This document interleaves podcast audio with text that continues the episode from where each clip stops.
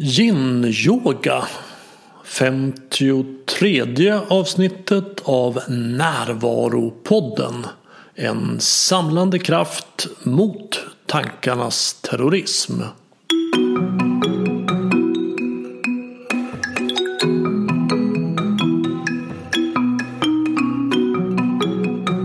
Det här är Bengt Renander. I dagsläget finns en handfull platser kvar till föreläsningen om kärleksrelationer som jag håller den 6 februari i Stockholm. Där får du en användbar bild av en kärleksrelation. Jag visar de fem olika möten vi kan ha i en relation och berättar om sex vanliga teman som vi grälar om. Du får fyra kraftfulla verktyg att lösa problem i relationer. Och så lär jag ut ett härligt sätt att få mer lekfull passion och kärleksfull attraktion i relationen. I mars så handlar föreläsningen om maskulint och feminint. I april om att stoppa tankarnas terrorism och i maj om tantra sex. Alla föreläsningar hittills har varit fullbokade så vill du ha en plats anmäl dig tidigt på min hemsida renander.nu. Om du också tror på det här budskapet om medvetenhet och närvaro som jag förmedlar här i podden Hjälp till att sprida det genom att tipsa om podden till vänner och bekanta. Och vill du vara med och stödja det ekonomiskt Gör det genom att köpa nya boken Stoppa tankarnas terrorism. Och enklast gör du det via hemsidan renander.nu. Temat idag är yin-yoga och min gäst är Magdalena McWeld som är yin-yoga-lärare och författare till boken och appen Vila dig i form med yin-yoga. Vi börjar med att prata om vad yin-yoga är och hur det går till. Sen går vi djupare in på varför det är bra att bli bekväm med det obekväma. Om att skapa frid och fred i sig själv för att kunna ge det vidare. Om skillnaden mellan smärta som leder till mer smärta och smärta som leder bort från smärta. Om att meditation inte är kopplat till en position. Om att träna sitt sinne för att hantera obekväma situationer. Om hur man övar upp förmågan att sätta gränser. Och om att se att tillräckligt är tillräckligt. Här är Magdalena McWeld.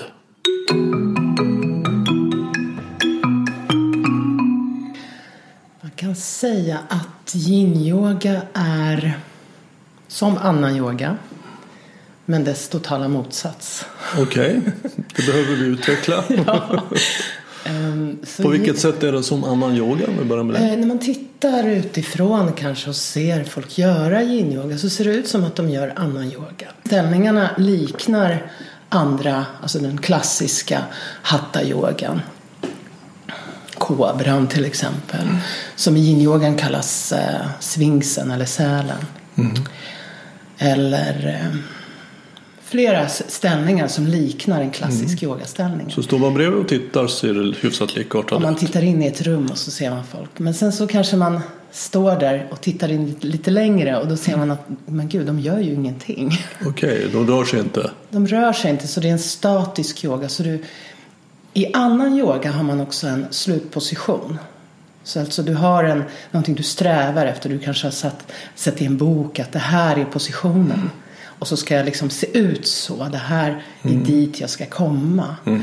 Men där är totala motsatsen med yin-yogan. Att du är perfekt som du är.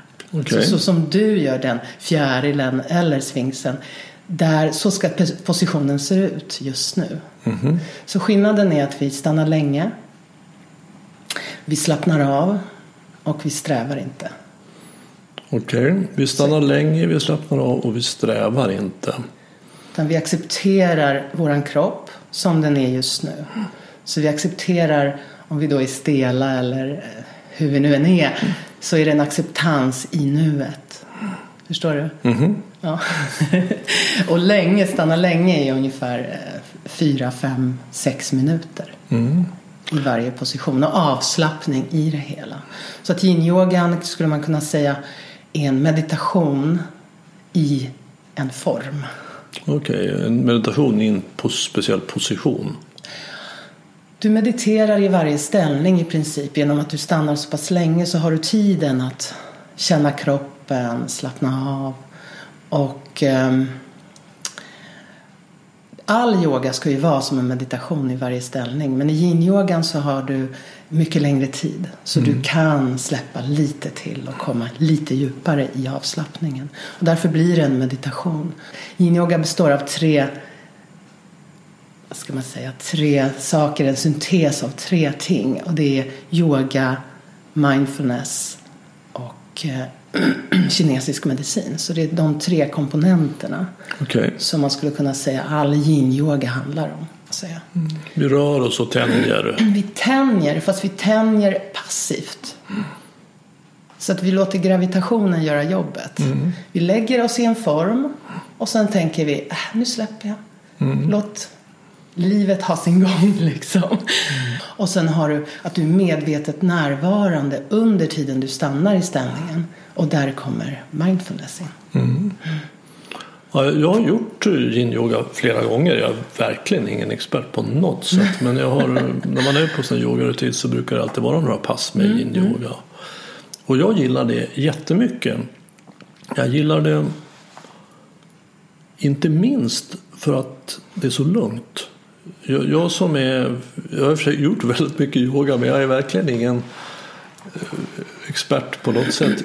Jag har alltid en upplevelse att det är bråttom. Att jag liksom inte Just hinner med. Jag, så Precis. när jag lagom till att jag har kommit in i positionen så har de andra är på väg in i något annat. Så jag, jag ligger liksom alltid ett halv takt efter. Och det är ganska stressande. Så jag, jag föredrar egentligen att göra yoga själv och det gör jag ganska mycket. Eller väldigt mycket. Men jag gillar då yin-yoga därför att man tar det så lugnt. Jag, där känner jag att jag hinner med. Och det är en väldig tillfredsställelse. Att jag hinner med också få med sinnet Precis. in i kroppen. Precis, och där har vi ju, jag, jag brukar säga att det finns egentligen ingen, eh, ingen skillnad på meditationsställningen som vi sitter, om vi tittar i en klassisk bok eller om man tittar på en buddha-staty så ser vi att det nästan alltid är som en korslagda ben och rak rygg. Lotusställningen. Varför skulle, just nu mediterar jag då när jag lägger korslagda ben och så när jag får ut dem mediterar jag inte då.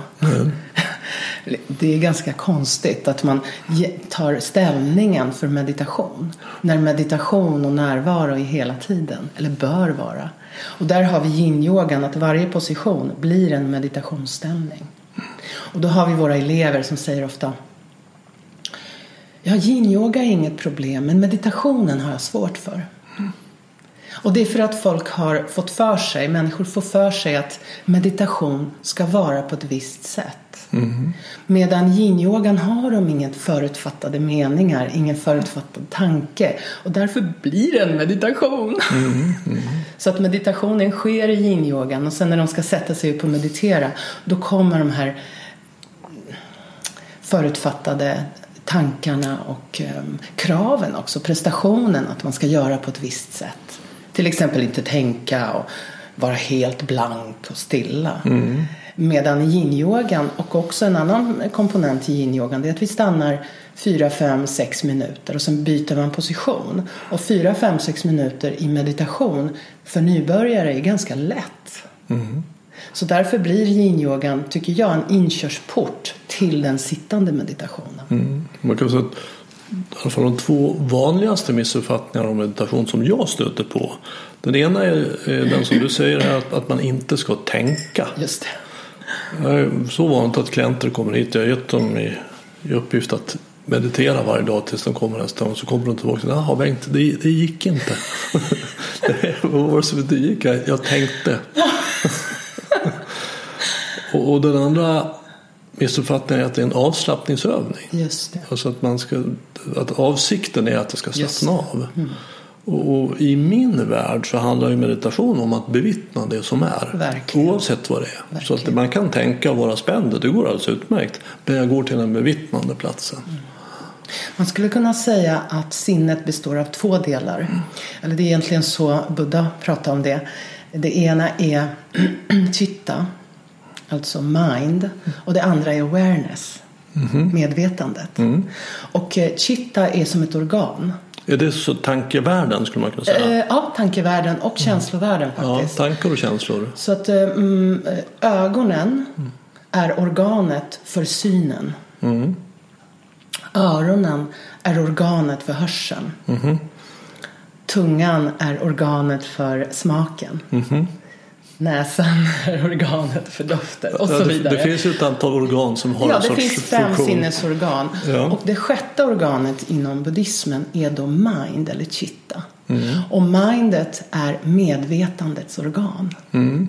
Så organet i sig dess jobb, dess uppgift, precis som synen, ögats jobb är att se. Mm. Om man nu har fungerande ögon. Mm. Eh, örat är att höra och så vidare. Så är att tänka. Mm. Så mindets jobb är att tänka. Mm.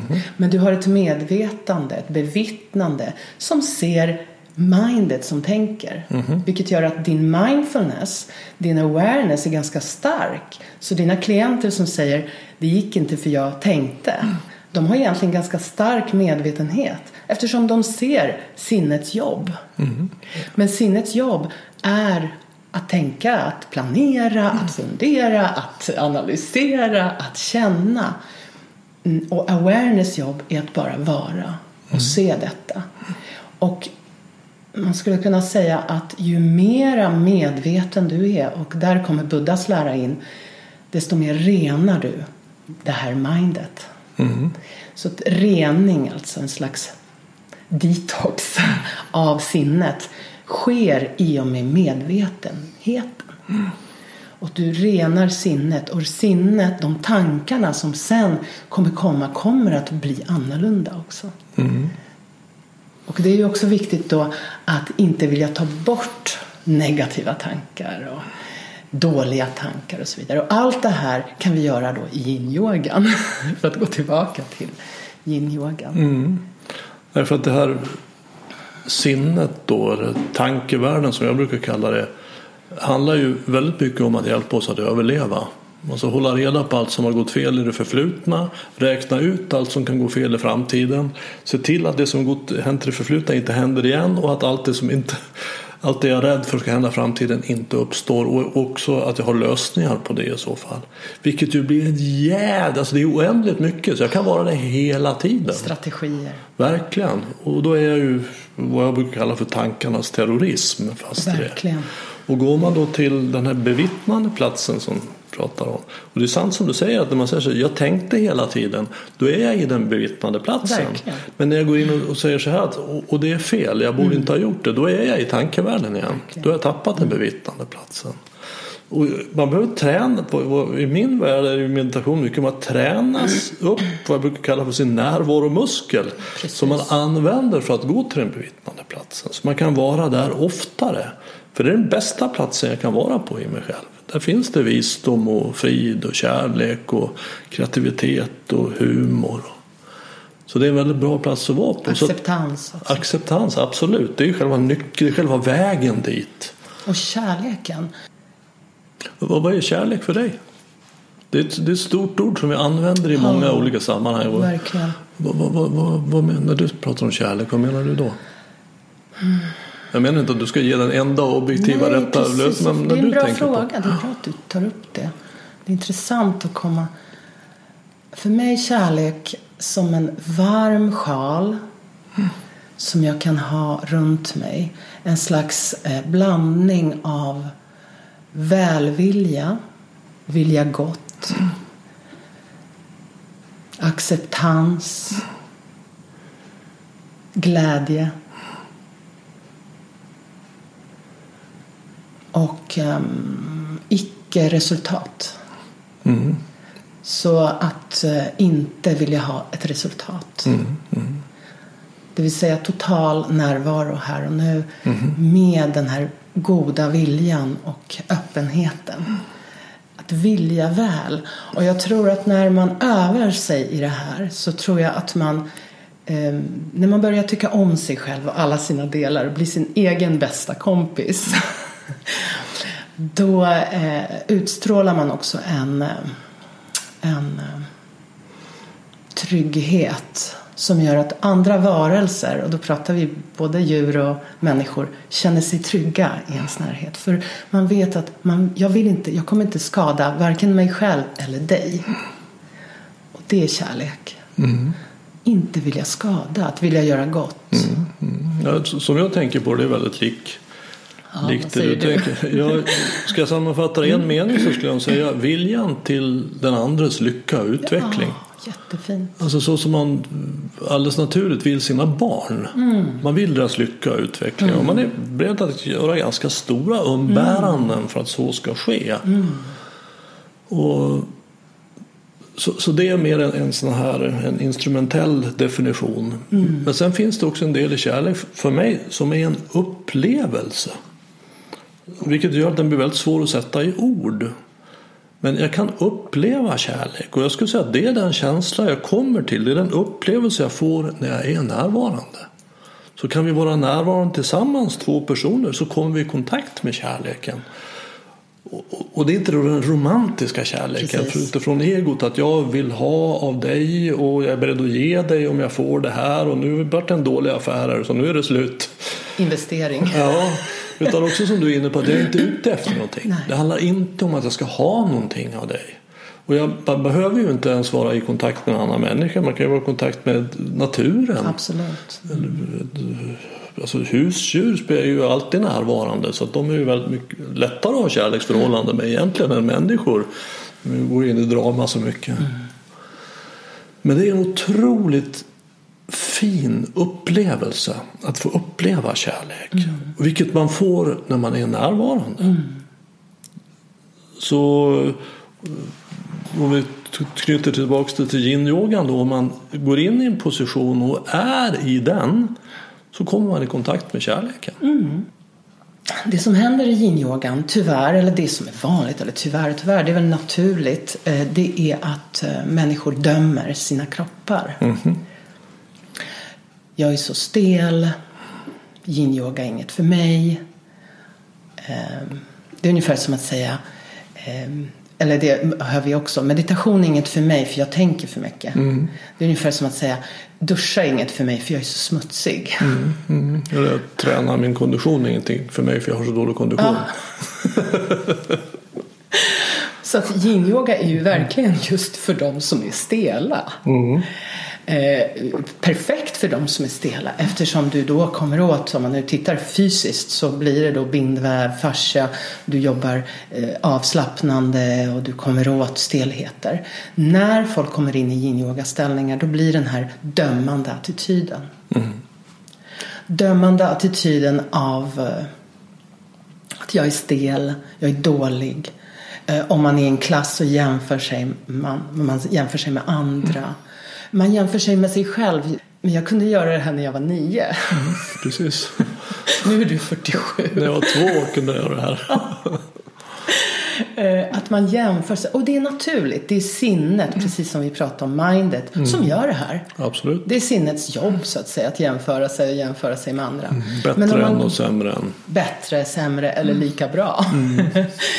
att släppa det och bara vara så här är min kropp just nu. I morse gjorde jag yoga och jag har ju varit förkyld. och eh, under förkylningen så gjorde jag absolut ingen yoga. Och ehm, jag var ju väldigt stel när jag började med yoga. Jag var så där stel som folk är. Ja. Men jag har en skada i ryggraden, tre kotor som är ihopväxta kan man säga.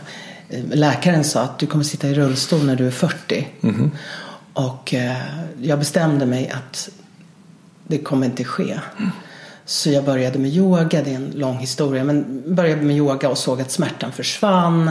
Jag hade ju ständig smärta och var jättestill. Du vet när jag skulle luta mig fram kom jag inte ens fram. Utan jag var liksom lutad bakåt okay. om jag satt ner på golvet. Och då är man stel. Om man, då är man stel. lutar sig bakåt och man ska luta sig framåt. och min eh, styvmamma eh, är före detta ballerina. Hon tog faktiskt bilder på mig när jag stod och skulle ta tag i mina tår men nådde knappt mina knän. Mm -hmm. Wow. Och hon liksom, du hör ju, du är rekordstel. Mm. Så så stel var jag och ändå så började jag med yoga. Mm. Jag började med yoga och såg att smärtan försvann och såg allt det här dömandet i sinnet under tiden jag gjorde det. Mm. Då började jag med ashtanga yoga som jag fortfarande gör. Ehm, det är 20 år sedan snart. Och jag är helt friskförklarad. Även om kotorna fortfarande, jag, såg, jag tog faktiskt en röntgen eh, inte så länge sedan och eh, läkaren sa fortsätt det du har gjort de senaste 20 åren. För det var mm. sist en röntgen togs, det var 20 år sedan. Mm. Eh, det ser jättebra ut även om kotorna fortfarande är ihopväxta och eh, det, det, är nästan som en steloperation i min rygg. Mm. Och jag är ganska böjlig. Mm. Numera. Mm. I och med yin-yogan framförallt. Men efter den här förkylningen så kändes det nästan som att jag var tillbaka på ruta ett. Mm. Fascian, bindväven, går tillbaka så det är en färskvara. Mm. Precis som närvaron mm. och medvetenheten. Mm. Vi behöver träna oss, vi behöver göra det här. Mm. Eh, och jag kände, gud, det är så här folk känner när de kommer på yin-yoga. Mm. I morse gjorde jag också eh, yoga, gjorde lite yin-yoga och kände mig fortfarande stel. Fast jag, efter förkylningen har jag börjat dagligen lite, lite, lite, lite. Och jag tänkte wow, det är bra att jag vet att det kommer att gå över. Mm. För hade jag inte vetat det så hade jag kanske inte fortsatt. Mm. Och jag tror att det är där stora hindret är för många. Att de provar en gång som meditation. Mm. Och sen så eh, är det mycket tankar och jobbigt och så tänker jag nej det är inget för mig. Mm. Istället för att komma ihåg att allting förändras. Mm. Ingenting varar, varken det sköna eller osköna. Mm. Så vi får se, jag ska göra yoga imorgon igen. ja, för det kändes som att du var tillbaka på ruta ett men det var det ju inte. Nej det var jag inte för jag mm. vet att jag kommer öppnas upp, kroppen kommer öppnas upp. Och det är okej. Okay. Och det är nyttigt för mig också att se hur det kan vara och hur min kropp också kan vara. Och, och sen så om vi tar det ett steg djupare så eftersom vi inte är på väg någonstans så är det tillståndet precis lika bra som Absolut. även om du kan gå ner i spagat. Det är också det där yin-yogans eh, stora fördel det är den här icke-perfektionen. Att det är inte resultatorienterat. Mm. Utan det är här och nu. Så, så här är min kropp just nu. Um, och samma sak när vi är väldigt viga, när vi kanske känner oss wow. Att uh, tänka att ah, det kommer förändras också. Mm. Just nu är det så här. Allt är förändligt. Mm. Att inte hålla kvar vid något gammalt. Där är lidandet. Mm, precis. Kommer det ur buddhismen, yin-yoga? Eller var kommer namnet ifrån? Mm. Yin, är det den feminina energin där? Eller? Mm, precis. Uh, yin-yoga kallades från början daoist yoga. Mm. Så det kommer från daoismen. Mm. Uh, man använde de här länge hållna positionerna och gör fortfarande i kampsporter. Så uh, en lärare som heter Polly Sink som var mästare i någonting som kallas monkey kung fu. Jag vet inte om du har hört talas om Monkey kung fu, nej. Då hoppar du som en apa och hoppar och, och, och studsar och, mm. och, och, är jättevig och sparkar och, och gör kullerbyttor och allt. Ja. Eh, eh, och för att kunna vara så pass vig då ligger du i, en, i vissa positioner då och bara softar. Bara mm. stretchar mjukt. Mm. Mellan dina då yang Yang är ju den här aktiviteten medan mm. yin är det passiva. Mm. Så Polysync var höll på med det här och en annan lärare, eh, Paul Grilly, blev inspirerad, såg honom på tv-kanal eh, och kontaktade honom och frågade vad håller du på med? Vad är det här för yoga? Och då, du vet, västerlänningar, vi vill alltid ha ett namn. Mm, mm. vi vill sätta det i ett fack. Och då sa han, uh, it's Daoist yoga. Daoismen. Och, när var det här då? 60-talet? Nej, det, senare. Jag skulle tro 80-talet någon okay. gång kanske. Ja. Och sen så tillsammans med en annan lärare, Sarah Powers, så myntade de namnet yin-yoga eftersom de såg att alla positioner är passiva. Alla positioner är på golvet, du sitter eller ligger ner. Alla positioner är ganska enkla. Så det är inga komplicerade positioner. Mm. Eh, enkla på det sättet att de inte kräver väldigt mycket av, av utövaren. Mm. Och um, att uh, du bara låter gravitationen göra jobbet. Vilket är yin. Allt det här är yin. Varande för mig Varande, verkligen. Ja, yang-görande. Yang-görande resultat, mm. mål. Just det. Yin är ju att vänta in. Ja. Vänta på ingenting som mm. jag brukar säga. Nu väntar vi på ingenting. Mm. Så att då myntades namnet helt Yin, enkelt. Yin-yoga. Men en av lärarna var inspirerad mycket av buddhismen, tibetansk buddhism. Mm. Så då eh, tog hon in den aspekten, Sarah Powers då, i själva yin-yoga. Nu är hon inte så jättemycket yin-yoga-lärare utan hon har eh, jättemycket yang också, så det är en blandning där. Men, men från början, när allt det här kom så var yin-yoga en revolution för många. För mm. Det var ju ashtanga som var ledande, bikram-yoga, ashtanga, mm. mycket dynamisk power-yoga. Så kom yin-yogan som en total motpol. Mm. Där vi bara låg och slappnade av. Och det för mig, eh, så som jag eh, undervisar i yin-yoga, det, det är just mindfulness, närvaron, meditationen. Mm. Det finns lärare som har mera kinesisk medicin som sin utgångspunkt. Där man eh, stretchar lite mer aktivt för att komma åt meridianerna lite mer. Mm. Det finns lärare som är mer anatomiskt, eh, det vill säga kroppsterapi. Man ser det nästan som en fysioterapi. Eh, där de är fokuserade, pratar ingenting om kinesisk medicin eller mindfulness. Mm. Så det är lite olika intressen och hur man utvecklar sin yin-yoga. Mm. Så som jag och, och, min partner Mats undervisar, vi har utbildningar och workshops, så är det mera åt varandet, närvarandet. Mm. Det är meditationen som är i fokus, mindfulness i positionerna. Även om det fysiska självklart är viktigt och vi kommer åt meridianerna. Men det är närvaron, det är mindet som är i fokus. För det är så vi kan förändra världen. Vi kallar oss fredsarbetare. att eh, skapa frid och fred med sig själva för att sen utöka det. Mm. En sak som jag har tänkt på när jag har gjort Yin-yoga, det, mm. det, ser ju så lugnt och, och stilla ut. Mm. Men det gör förbannat ont. Mm. Ibland. Ja. Ska vi säga någonting om smärta och, och mm. vad det har för betydelse i yin-yoga? Um, Kanske vad det för betydelse överhuvudtaget. Det är också ett intressant ja, ämne. Eh, det är så att fascian, då har man mätt då den här bindvä bindväven, kallar det bindväv fascia. Mm. Att den har cirka tio gånger fler smärtreceptorer än muskler. Mm. Och eh, man kan säga att det finns två slags smärta. En smärta som leder till mera smärta. Och en smärta som leder bort från smärtan. Mm -hmm. Intressant. Både i relationer, mm. i våra tankar och i vårt liv men mm. också i yin-yogan. Då. Ja. Den smärta som, som ger mer smärta det är den här när man ska kämpa och stretcha och ofta smärta i leder och man fortsätter fast det gör ont. Man känner en skarp kniv, skarp smärta.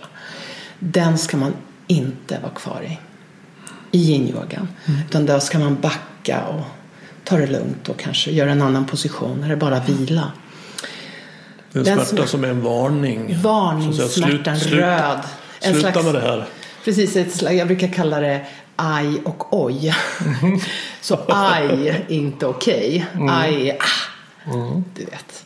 Det, det gör ont. Oj-smärtan, eller den här smärtan som leder bort från smärtan, det är en jobbig, molande uh, det, är, mm. det är den här smärtan som vi känner i yin-yogan.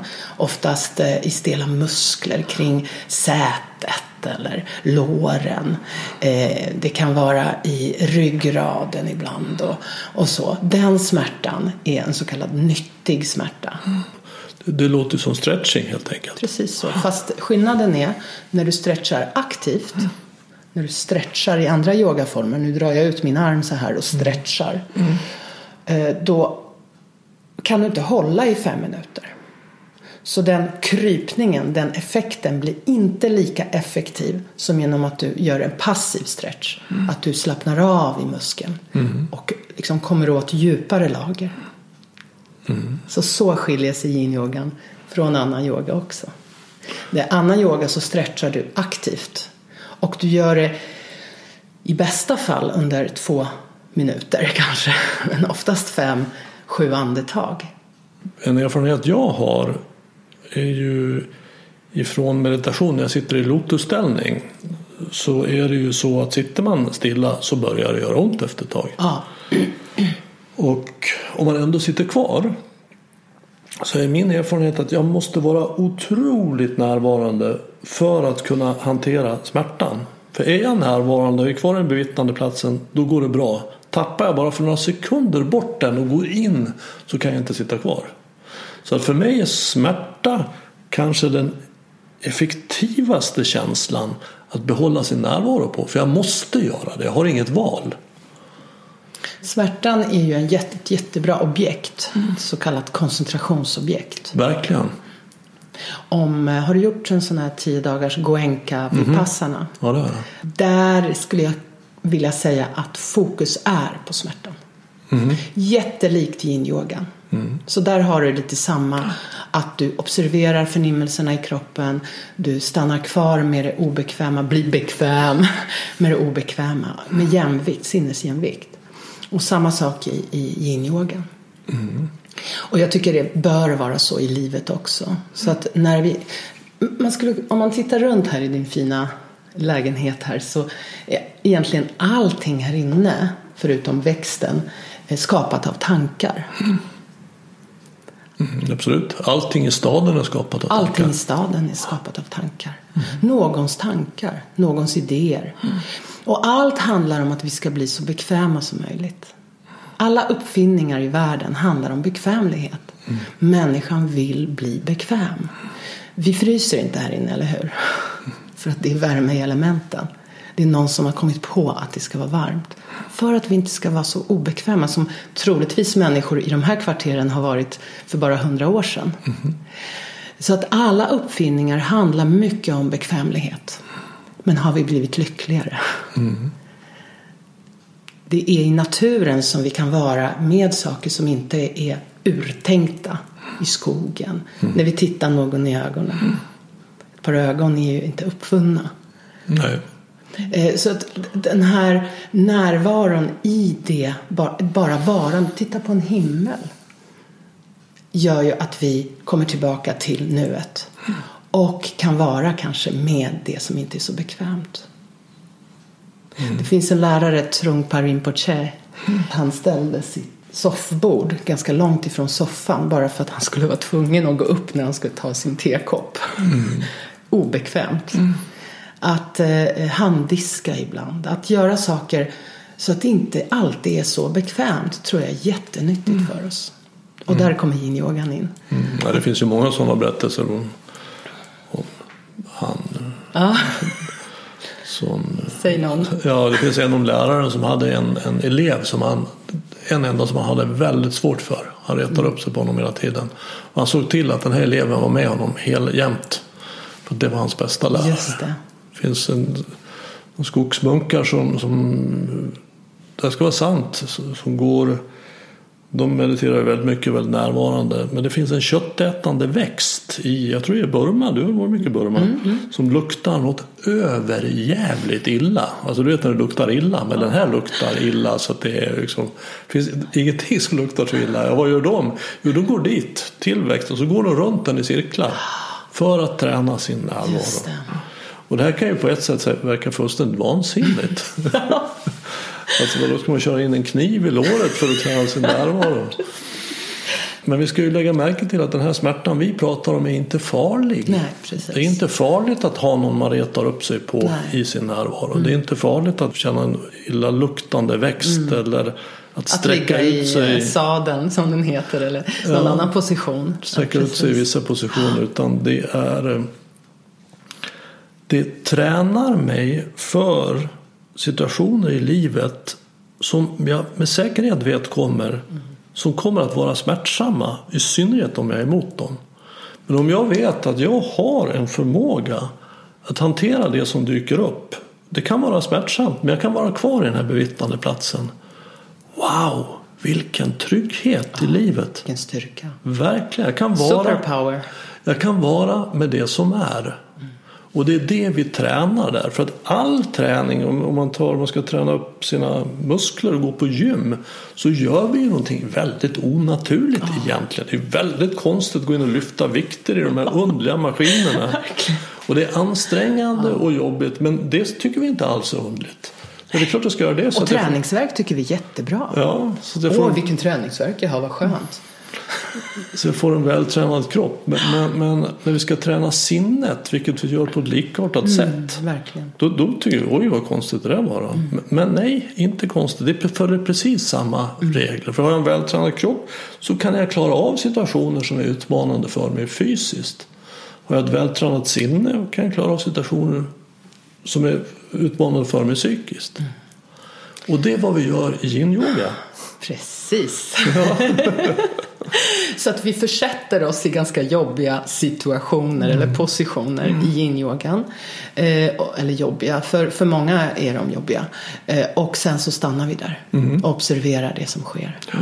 Och kommer ihåg att det går över, det är viktigt. Det går över och det är inte farligt. Det är inte farligt.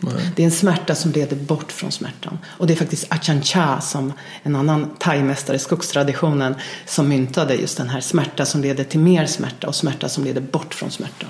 Och smärtan som leder bort från smärta är konflikter till exempel. Att ta en konflikt i en relation. Att ta en konflikt, man känner det här är jobbigt, jag vågar inte, men det är en smärta, obehag som kanske behövs.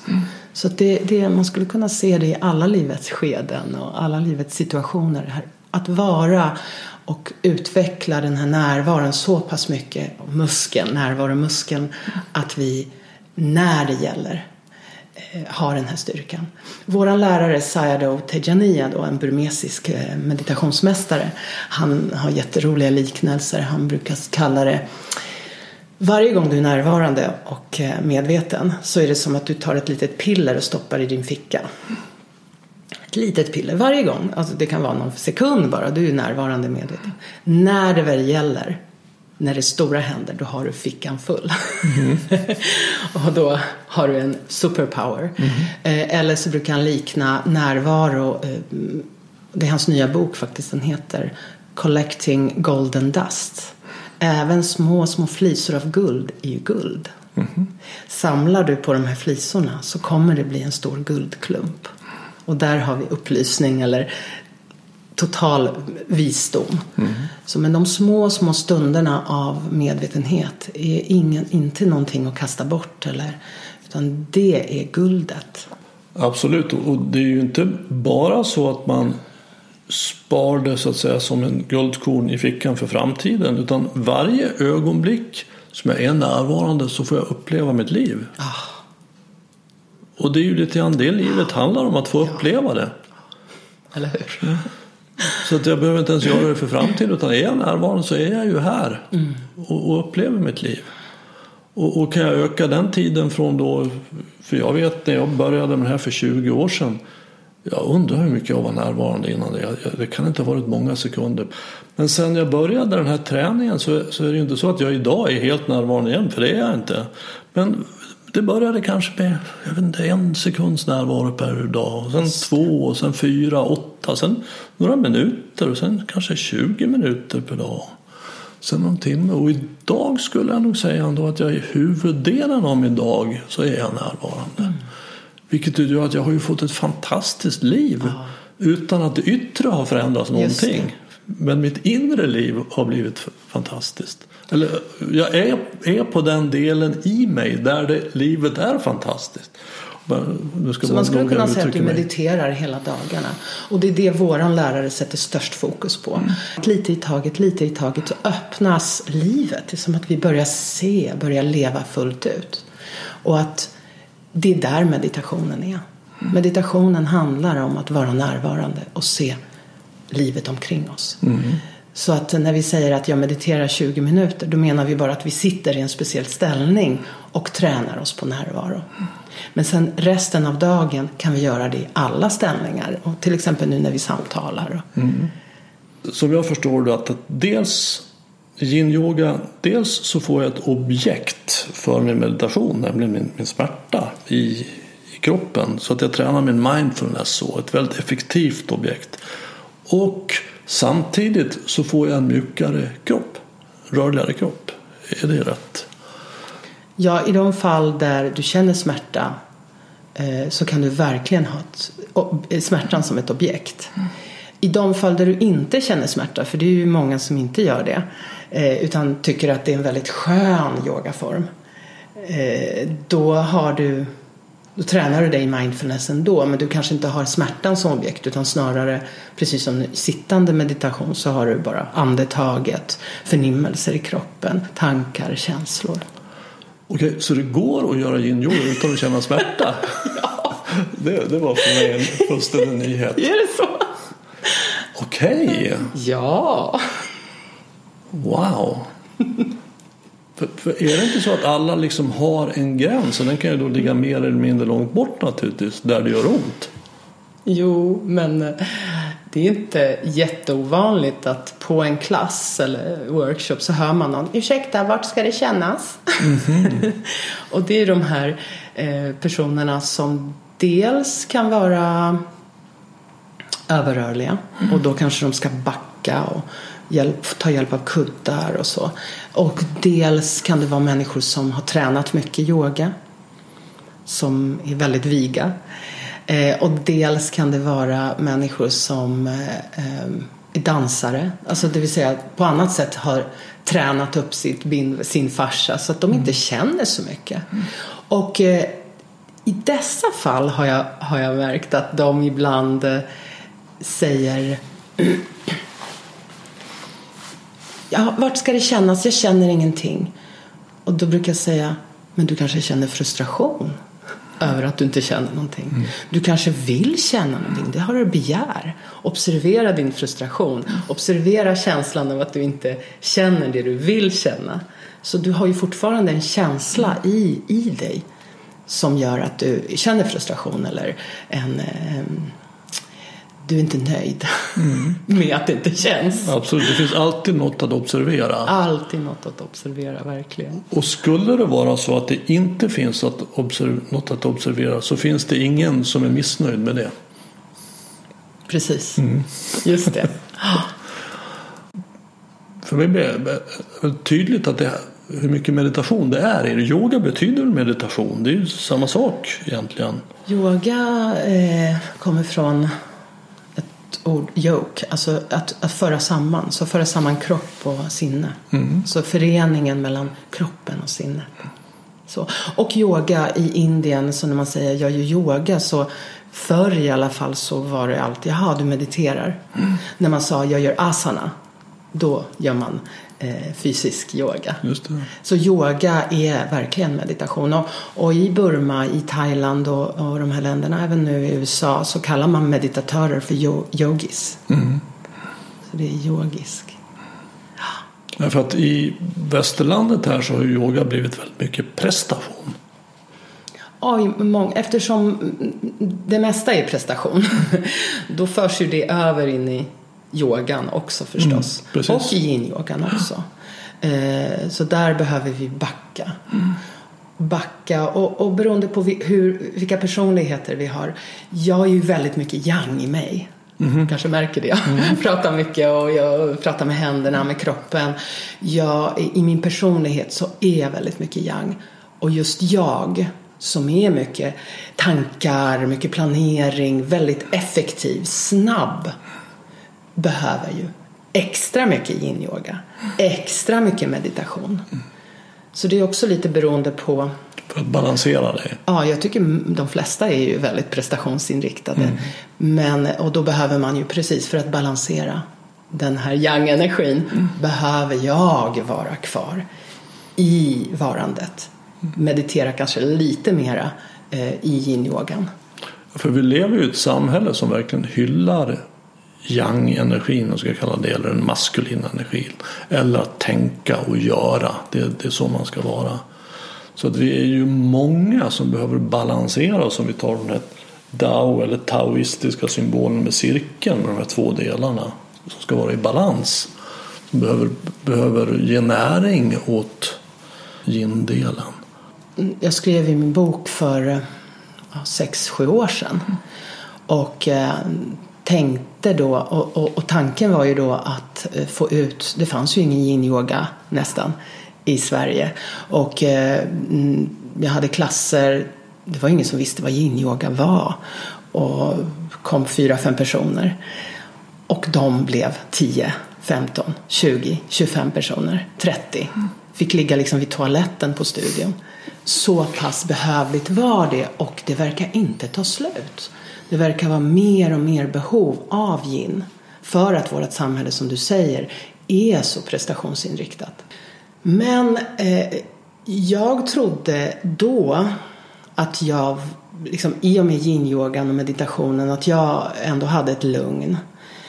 Tills jag såg att jag, även jag som mediterade så mycket, gjorde yin-yoga, eh, hade ett, jag blev liksom smittad, det är nästan som en sjukdom, det här att ha businessmodellen i allting. Så att tjäna pengar? Ja, tjäna pengar eller göra mer. Mm. Har man en studio, då kanske man öppnar två. Just det. Har man, då ska man liksom, och det, den här businessmodellen är precis det du pratar om. Att det är som så samhället ser ut. Går det bra, då ska det gå ännu bättre. Mm. Och det var kanske två, tre år sedan jag haffade mig själv med det där. Mm. Och backade. Och jag hade ju tusen olika bokidéer och appidéer. Och jag är sån person. Mm. Jag är kreativ, jag skapar massor liksom. Men jag bara backade. Mm. Och där har vi meditationen. Så att sinnet säger ja, du kan göra det här och gud vad kul. Du kan öppna en studio eller du kan och göra yogaresor dit och gud vad roligt. Det är ju roligt. Mm. Det är min personlighet. Mm. Men då sa jag, jag hör dig.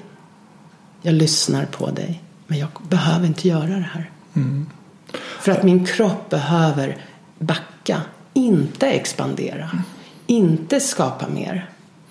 Och det är en, det är en konst faktiskt. Mm. Ja, för går man ett, ett steg djupare i, i, jag skulle tro de flesta av oss, så egentligen, egentligen, egentligen så vill vi bara vara lyckliga. Mm. Så och, och då tänker vi oss att om jag får en studio till eller om mm. jag får de här apparna då kommer jag att bli lycklig. Och, och blir man det så gott och väl. Men många gånger så är det inte så att lyckan finns där bara har blivit mer. Utan lyckan finns kanske snarare i att se att tillräckligt är tillräckligt. Mm. Vilken frihet. Ja, att kunna vara med det som är och se att det här som är nu är helt, helt till fyllest. Alltså att, ja, det finns ett uttryck som säger att det inte är hur man har det utan hur, hur man, man tar det. det. Att kunna vara och det, det, finns ju massor av olika uttryck kring ja, ja, det här. Ja. Att, att, att, um, det finns få saker som hindrar lyckan mer än vår jakt efter den. Mm. Precis, och, och som du sa också det här att samhället premierar ju en lycklig, framgångsrik individ. Och framgång jämförs ofta med pengar förstås. Mm. Och mäts och i saker, pengar. Mäts i pengar, precis. Eh, och eh, det är svårt att stå emot. Det är svårt att stå emot och inte vilja expandera. Inte mm. vilja ha mer. Verkligen. Eftersom det är liksom hela vår uppväxt och allt vi har lärt oss handlar om att mer är bättre. Mm, verkligen. Och samma sak i yin-yogan. eh, vi brukar säga, jag vet att du kan göra mer, men kan du göra mindre? Mm. Kan du backa? Just det. Och jag brukar, när, jag, när jag också förlorar mig i illusionen om att, att pengar och framgång ska innebära lycka så brukar jag tänka på sådana som Elvis och Michael Jackson. Ja. Whitney Houston. Som var så fantastiskt framgångsrika i någonting som jag tycker skulle vara underbart. Att kunna sjunga musik och så mycket fans och pengar och människor som älskade dem. Men de fick äta tabletter varje dag för att slippa känna det de kände. Men som Jim Carrey säger det att, att jag hoppas att alla människor blir riktigt framgångsrika så att de inser att det inte är där lyckan ligger. Inom buddhismen då så finns någonting som kallas de tre rotgifterna. Eh, och Buddha menar att eh, de tre rotgifterna eh, är det liksom som får världen att snurra nästan. Eh, det är greed, alltså ha-begär. Det är motstånd eller illvilja, hat. Och det är illusion, total förvirring, dimma. Och den här dimman, illusionen, är det som får de andra att få att agera. Och världen snurrar mycket i att begäret är hela tiden på. Vi vill ha mer. Vi är aldrig nöjda. Har du läst um, Sapiens? Harar, Jo- Yuval Harari. Ehm, det är ju egentligen boken om begäret. Hur mänskligheten eh, kan skövla andra, alltså mä- människoliv och gå över lik för att få det den vill ha. Absolut. Och, och andra sidan på myntet, det är bild på begär på ena sidan och vänder vi på det så är det rädsla. Det är samma sak. Det är ju, Rädsla och begär är ju lidandets ursprung i buddhismen. Hålla fast, fasthållandet. Att inte kunna släppa taget. Inte kunna släppa. Vad, vad är skönare? Att ha en knytnäve så här hårt eller släppa, öppna upp handen. Och det är ju, där har vi yin-yogan igen. Och, och det här är ju utmaningarna för oss människor. Det här är svårt för oss. Det är väldigt svårt. Jättesvårt. Och det leder verkligen till lidande. Men, eh, och, och det är ju fantastiskt att, att det finns människor som då har gått före och hittat sätt att hantera det här som är så svårt för oss människor. Det är svårt för mig med och för dig med. Men som i alla fall underlättar för oss. Och, jag har verkligen gett upp eh, min illusion om att jag ska bli klar eller bli upplyst eller bli färdig. Jag är totalt ointresserad av det faktiskt. Samma här. Utan mer att, att ha, ha ett bra nu. För det är det enda vi har. Det räcker. Ja. Och hur får jag ett bra nu? Jo, jag accepterar det som är. Och, och gör vad jag kan för att förändra det också. Men jag är inte emot det. Det är grejen. Och där kan då yin-yogan vara en hjälp, en träning i att göra det. Absolut. Och i en position kanske vi inte kan, vi vill inte acceptera att det är så här jobbigt. Ja, gå ur positionen. Varför är du kvar? Så att man lär sig lite balansen och lär sig faktiskt sig själv också. Var mina gränser går. I början kanske vi behöver komma ur en position efter två, tre minuter eller en minut. Och eh, ibland kan vi vara kvar mycket längre. Att lära känna oss själva. Det är väl det allting handlar om. Absolut, och för det är ju också en svår fråga för de flesta av oss. Var går gränsen? Vad är okej för mig? Vad, vad får du göra med mig? Vad får jag göra med dig? Och vad, vad, vad, vad, när ska jag säga stopp och när ska jag inte säga stopp? Hur ska jag säga stopp? Så det är också en väldigt, väldigt fin förmåga att träna upp. Var går mina gränser? Det är verkligen en konst.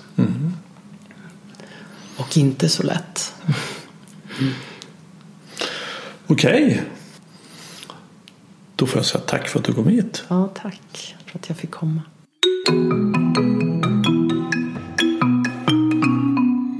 Vill du veta mer om Magdalenas arbete?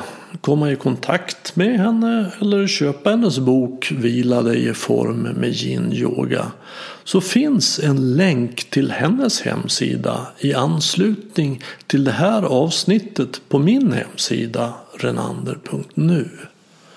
Har du något ämne eller person som du skulle tycka passa här i Närvaropodden? Tveka inte att kontakta mig och enklast gör du det via kontaktformuläret på hemsidan renander.nu. Desto fler vi är som är vakna i verkligheten ju mer kan vi ju förändra den på riktigt. På återhörande och du var uppmärksam.